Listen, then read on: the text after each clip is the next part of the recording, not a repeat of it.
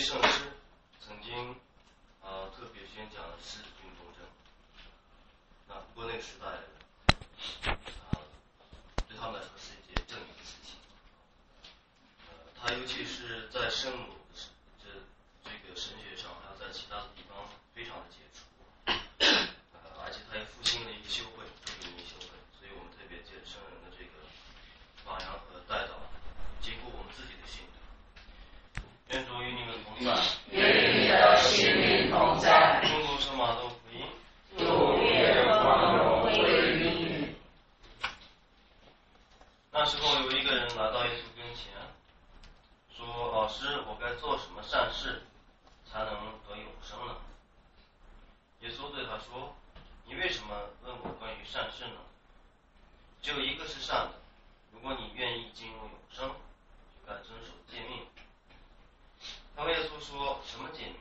耶稣说：“就是不可杀人，不可奸淫，不可偷盗，不可作假见证，应孝敬父母，应爱爱人如己。”青年人对说：“这一切我都遵守好了，还缺少什么呢？”耶稣对他说：“你要是愿意成为完善的人，就去变卖你所有的，施舍给穷人，你必有宝藏存在天上。”然后来跟随我。青年人一听这话，就垂头丧气的走了，因为他有许多产业。以上是基督的福音。基督，我们赞美你。啊，我们都很熟悉这个富少年的故事。那呃，他是一个蛮不错的法利赛人，犹太人，一个。在宗教这个活动上、宗教诫命上都遵守很好的人，所以我们读的是马窦福音。那如果在其他的福音里边，我们还可以看到呢，当耶稣听到他说他已经遵守好一切诫命呢，耶稣看着他就喜欢他。啊，所以耶稣的喜欢也很麻烦。耶稣一喜欢一个人，就开始要，所以他就开始说：“好吧，那你。”既然这么好，我也比较喜欢你，那你就变卖你一切跟随我吧。好，那这个时候就问题来了。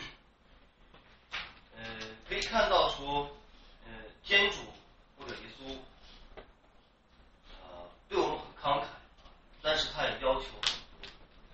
他不只要求我们所有的，我们所能做的，我们所有的东西你可以给他呀，是比较容易了。我们的身外之物。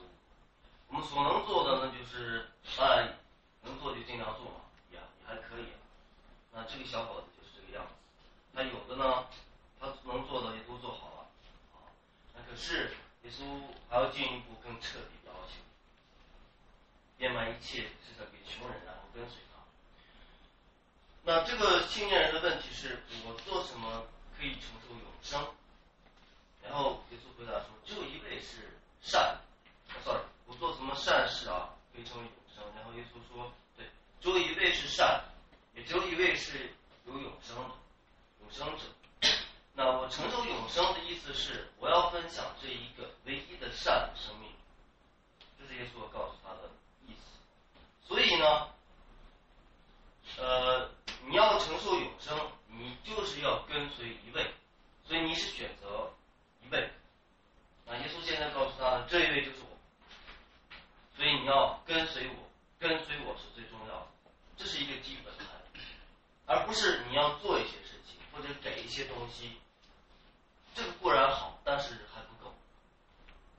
那呃，今天呢，我们也是一样，我们可以为，我们可以给一些东西，我们可以施舍一些东西，我们给一些时间，我们给一些啊财物，我们我们可以也可以做一些事情啊，我们可以。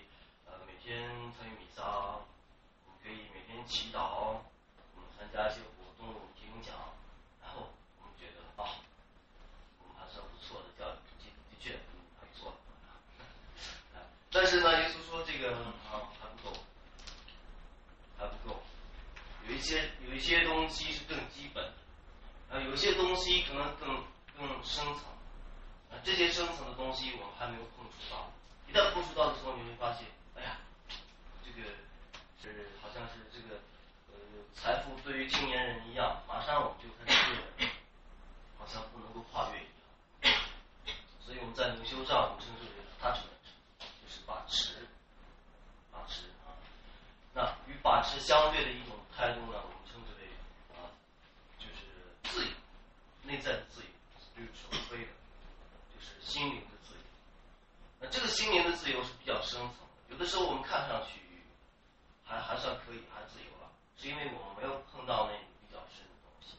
我们可以反省一下，有些有一些东西，我们是在我们生命当中好像不能碰，一旦碰到之后，我们就会有反弹，或者我们就不能够放弃，或者我们就会选择我自己愿意的。啊，我不知道是什么，每一个人可能都有这个 attachment，要去反省什么东西真的在深很深的那个层次上头阻碍我没有办法跟随天主，因为承受永生毕竟就是选择一位，啊，那么天主选择我选我们也是选择全部的我们，全部的我们，而不是我们所有的或者所或者所所能做的。所以这是，比方说，我举举一个最简单的例子，啊，一个人可能平常很热心，看起来，然后也祈祷，也也也往弥撒，啊，但是，比方说他他去旅游，啊，去旅游的时候呢，好，画一个旅游计划，然后呢，呃，遇到一个礼拜天，那可是这个礼拜天也在旅游计划之内，他没有办法去往弥撒，实际上也不是没有办法。真的没有办法吗？也许你到一个国家，这个地这个国家它有也有教堂，也有弥撒时间啊。啊，这个从这个规划计划里边，我们可以看得出来，到底有没有把天主放在最前头。